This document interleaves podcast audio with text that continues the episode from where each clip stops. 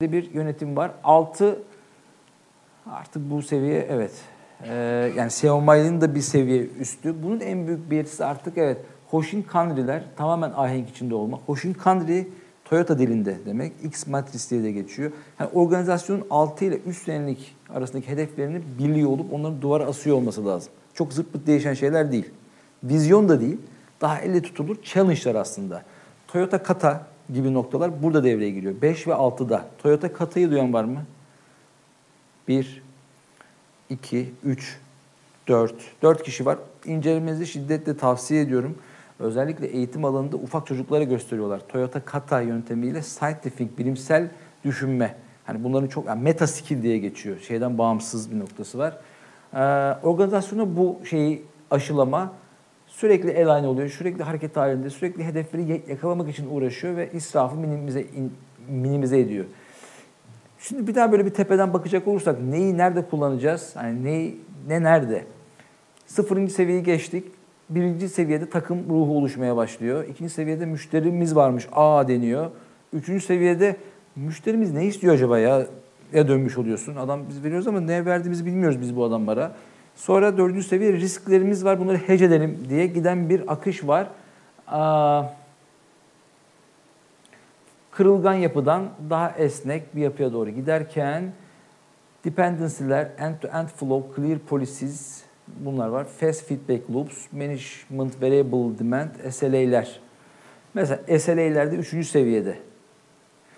SLA'yı kullanan var mı organizasyonda? SLA. 1, 2, 3,5, 4. Şimdi evet mesela birinci seviye yanan bir adama SLA koyalım abi demek çok saçma. Çünkü adam daha o modda değil. Adam yangın söndürüyor. Yani bu tahtada en fazla bu iş kaç gün kalabilir? Gelmezse ben bunu üst yönetime sunacağım demek. Yani burada bir şey ifade etmiyor. Aa, bakın database forecasting dördüncü seviyede. Yani datayı toplayacak, onları forecast edecek. Oradan bir SLA'lere de bunun katkısı var. Hani hangi seviyede olduğunuzu bilirseniz karşı önlenmenizin ne kadar işe yarama olasılığında çok net görmüş olursunuz. 4 robust, 6 antifragile. Şu tehlikeli. Yani 3 bir baskı geldi, zıt geriye kaçma ihtimali olabiliyor. Yapmayalım ya. Riskli. Yani olgunlaşma biraz zaman alıyor. Risk hedge bu güzel bir nokta. Forecasting'ler artık olmaya başlıyor. Forecasting bakın. Predictable estimation değil. Estimate. Bizim Türkçemizde var mı tam karşılığı? İkisi için de aynısı kullanılıyor galiba değil mi? Forecasting ve estimation tahminleme, öngörüm, öngörü. O zaman tahminlemeyi bırakalım, öngörü diyelim. Öngörü. Hava durumu hava durumu tahmini diyorlar ama. Hava durumu öngörüsü demiyorlar. Forecasting. Yani Türkçe'de tam oturmayan bir şey var o noktada. Ona, ona dikkat etmek lazım. Forecasting, forecasting maliyetsiz. Varsayıyor belli şeyleri. Yani 6 ay öncesi ne kadar veriniz varsa 6 ay öncesi gibi olacak gibi varsayıyor. Bu da hız kazandırıyor size. Çok hızlı bir şekilde tahmin yapabiliyorsunuz. Dynamic Resource Management'lar başlıyor burada. Fit the Purpose burada artık devreye giriyor. Kitabı var demiştik. Ee, müşteri ne istiyor, ne yapıyor? Evet. Başka riskler, toplantılar, filan filan. Soru var mı? Sorular? Yok mu? Ne kadar süre Organizasyona göre değişir.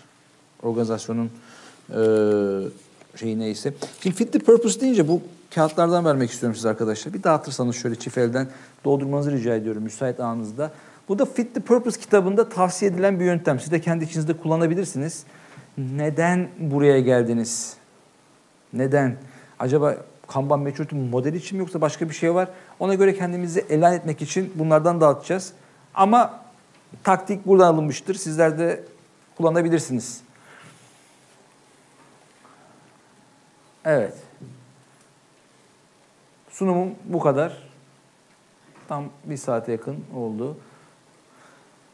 Sorularınız varsa arkadaşlar Kanban'ın temelleriyle ilgili onlardan da bahsedebilirim seve seve. Şöyle başa dönecek olursak bir daha şöyle.